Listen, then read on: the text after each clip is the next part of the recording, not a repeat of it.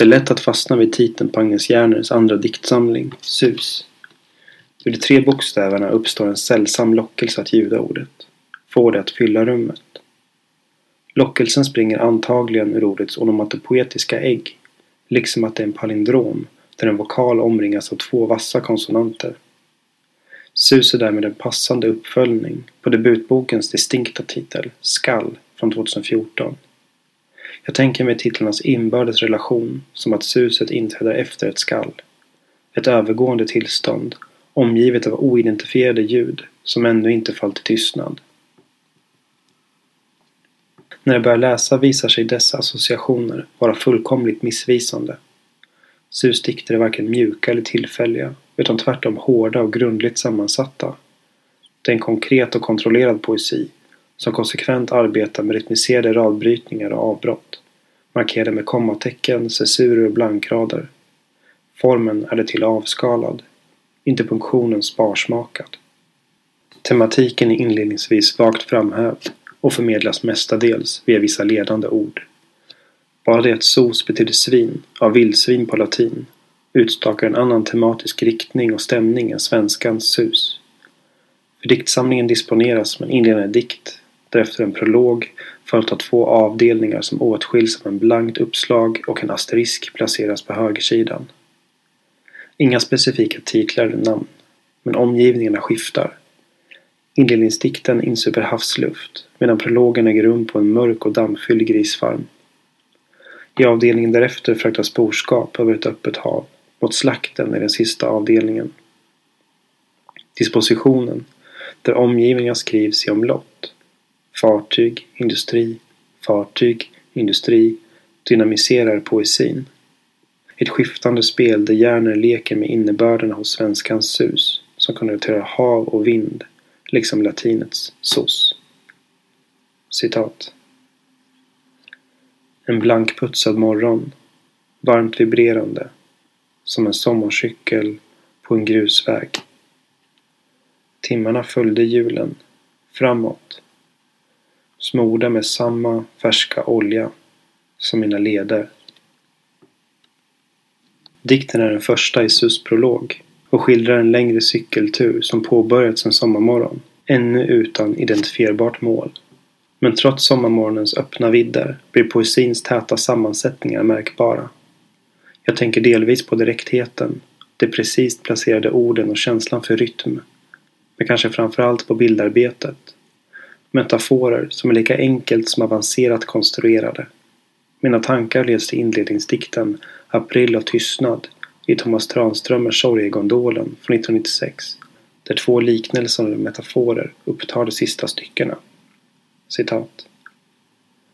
Jag bärs i min skugga som en fiol i sin svarta låda. Det enda jag vill säga glimmar utom räckhåll som silvret hos pantlånaren. Dikternas motiv och uppbyggnad liknar varandra, med några få avgörande skillnader. Istället för att som hos Tranströmer få de inför varandra främmande bilder att kollidera låter hjärnan motiven ligga väldigt nära varandra. I de metaforiska övergångarna lindas bildledet in i sakledet. Metaforen låter den vibrerande cykeln röra sig fram genom den vibrerande morgonen. Det nära förhållandet skapar en tät poesi där bilderna hör till samma motivsfär som det används för att likna. Den inlindande rörelsen fortsätter ända in i slutraden där liknelsen som mina leder tillåts expandera. Orden hjulen och olja gör att mina associationer spänns ut mellan det kroppsliga och det geografiska. Mellan skelettets kontaktytor och landsvägarnas mötesplatser. I sus skrev det köttsliga och kroppsliga alltjämt in för att ge bilden en fysik, en särskild sårbarhet. Metaforikens täthet leder till ett bildarbete som ömsom skapar känslor av närvaro och kontakt, ömsom stänger in och isolerar. Känslan som frammanas är ofta avhängig platsen i Järnes poesi. En interaktion som iscensätts i den följande dikten. Citat. Vi hade kommit för att luta oss med värmelampan, för att bländas av den vassa solen. Medan metaforen i den förra dikten gjorde sommarmorgonen extra varmt vibrerande blir de mörka lokalerna nu än mer instängda när värmelampan får agera ställföreträdande sol. Rummet får något metalliskt och mekaniskt över sig och ur det omgivande mörkret framträder konturen av ett industriellt sceneri, skrivet i dåtid. Hela prologen verkar utgöra ett återvändande till ett barndomsminne. Ett besök på, citat, en förlossningsavdelning där barnen stacks med nålar. Skrin tätade hjärtslag, spruckna som skålar. Mina armar omslöt sprattlandet. Jag sökte hans blick. De besökande barnen förväntas att förundras över de nyfödda barnen, vilka snart visar sig vara griskultingar.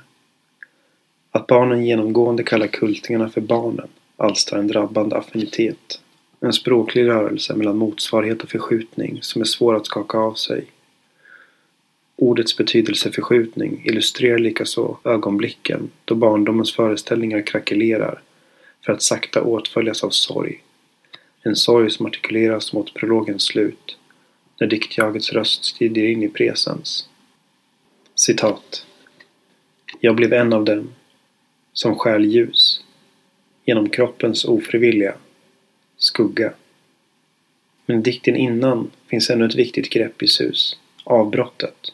Jag läser den dikten igen. En förlossningsavdelning där barnen stacks med nålar. Skrin tätare än hjärtslag. Spruckna som skålar. Mina armar omslöt sprattlandet. Jag sökte hans blick. Rimmet nålar, skålar initierar en rytm som bryts när diktens två sista ord flyttas ner med en blank rad. Avståndet, som i läsningen blir till en paus, delar upp meningen och river en reva i den rytmik jag precis vaggats in i. Avbrotten stör lästakten. Det får mig stanna till, börja om och betrakta diktens konstruktion. Här dröjer jag kvar vid diktens sista separerade rad, hans blick och börjar sakta uppfatta en samtidighet hos radens utformning och händelse, dess hur och vad. För antyder inte avbrottet, vållat mitt i meningen, att diktjagets sökande efter kultingens blick inte nått fram? Att jagets och djurets blick ännu inte mötts? I dessa moment får Sus poetiska precision med att häpna. Därför att kort följa upp referenser till talströmmar som om hjärnan använder traditionella poetiska medel på sina egna premisser. Jag syftar framförallt på bildarbetets inlinningar i relation till det åtstramade språket som för övrigt står i skarp kontrast till debuten. I skall rådde emellanåt en ofokuserad flyktighet, särskilt verksam i överflödiga slutrader. Men det draget är borta nu. Sus raderar hellre än adderar. Vidare. Efter prologen luckras industrins mörker upp av vidsträckta havsytor som fartyget färdas över. Diktjaget, en observerande gestalt som aktsamt följer sina omgivningar, får nu en mer framskjuten plats. Landskapens öppenhet och jagets ömsinthet återverkar också på dikterna, vad spänningen släpper något. Men förutom att havspartierna ger diktsamlingens disposition en större dynamik liksom att det utgör ena halvan av leken med titelns dubbelhet mellan svenskans sus och latinets sos är partierna smakt motiverade. Motiven fäster inte. Men när den sista avdelningen återvänder till köttindustrins lokaler skriver språket återigen åt och blir än mer avhugget och hårt. Dikterna skriver nu fram köttproduktionens förlopp. Avel, uppfödning, slakt, styckning, beredning, matvara i frysdisken, måltid, som en kronologisk historia. En historia som idag, genom kapitalismens krav på ständigt ökad produktion, antagit obscena dimensioner. Citat. På 1800-talet tog det 3-4 år att föda upp en så kallad slaktgris på 60 kilo. Idag kan en halvårsgris väga 100 kilo och slaktas innan den ens fällt sina mjölktänder. Som Amelie Björk skriver i sin essä Avgrisning i tidskriften Glänta nummer 2 2015 med tema djurkunskap. Sus skildrar inledningsvis grisarna som levande och lidande individer. Men det blir eftersom alltmer reducerat reducerade till produktionsvaror. Citat. Mentaltillståndet före slakt gör avtryck i köttet. Sprutar ut i porerna som ånga från strykjärn. Gör kroppen seg, fläsket illasmakande. Glidningen från ett levnads till ett produktionsmässigt perspektiv påbjuder en lika långsam som plågsam förskjutning. Och trots att jag är bekant med merparten av de scener som den sista avdelningen beskriver upplever jag dem ofta som på nytt. Genom poesin aktiverar hjärnor andra aspekter än vad till exempel facktexten, filmen eller fotografiet har kapacitet till. Poesin är och gör saker annorlunda.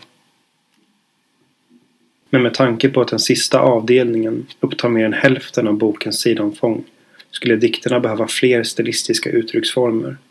Fler typografiska friktionsytor som infogar ytterligare dynamik och spänning. För Sus precisa radbrytningar, störningar i rytmiken, cesur och metaforer blir någonstans i mitten av den sista avdelningen ofarligt bekanta och räcker därmed inte för att jag ska kunna behålla min fulla uppmärksamhet.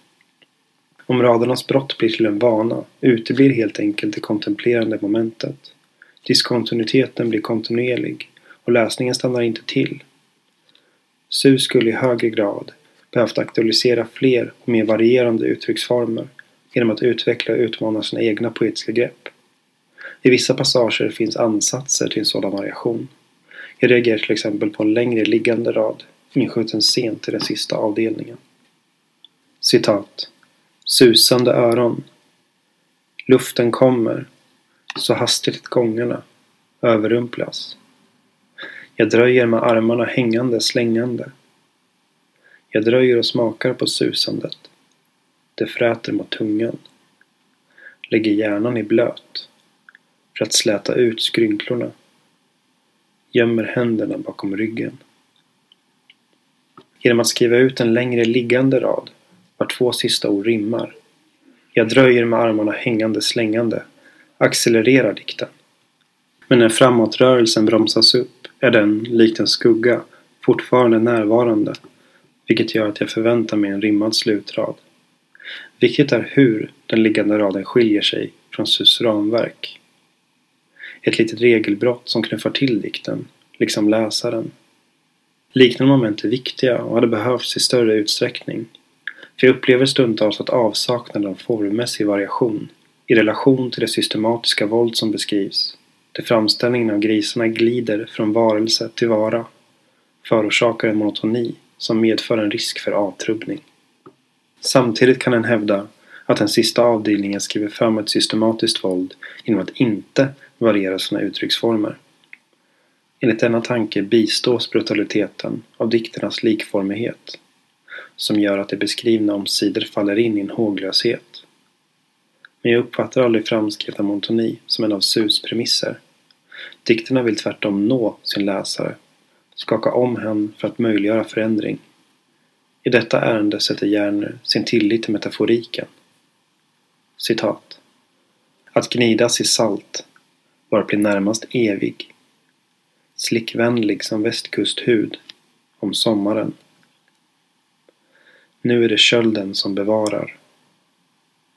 Gnistrar vitt och rent, som idén om en barndomsvinter. Dikternas kötsliga och kroppsliga dimension avtar mot slutet då hjärnor får in mer externa bilder som krockar med varandra och öppnar upp dikten.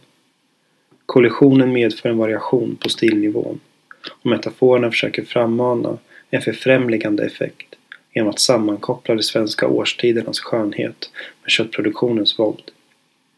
Samtidigt blir den antropocentriska blicken allt mer manifest. Förfrämjandet kräver att dikten som kontrast visar upp det typiskt mänskliga. När metaforen rör sig i och genom dessa människomotiv riskerar därmed bilden av lidandet att täcka över lidandet. Den poetiska effekten är omedelbar men samtidigt något kortvarig. Dikterna strävar efter att medvetandegöra sin läsare om omständigheter hen antagligen redan känner till, vilket begränsar poesins kritiska potential. Sus fallenhet för det lyriskt slående och skickliga resulterar därmed i en slags poetiserad research som strävar efter att stöpa det vi redan känner till i en ny form. Betraktat som konstnärlig kritik är det helt enkelt inte nog. I sina bästa stunder iscensätter Sus däremot en plågsam samhörighet mellan poesins hur och vad. Dikternas verkan är som starkast när texten ligger smärtsamt nära det beskrivna. När till och med bilderna underkastar sig köttets bokstavlighet. Dessa moment hade behövts prioriteras och framhävas. För hjärnor har en speciell förmåga att skriva fram intryck som gör avtryck. Svåra att värja sig mot.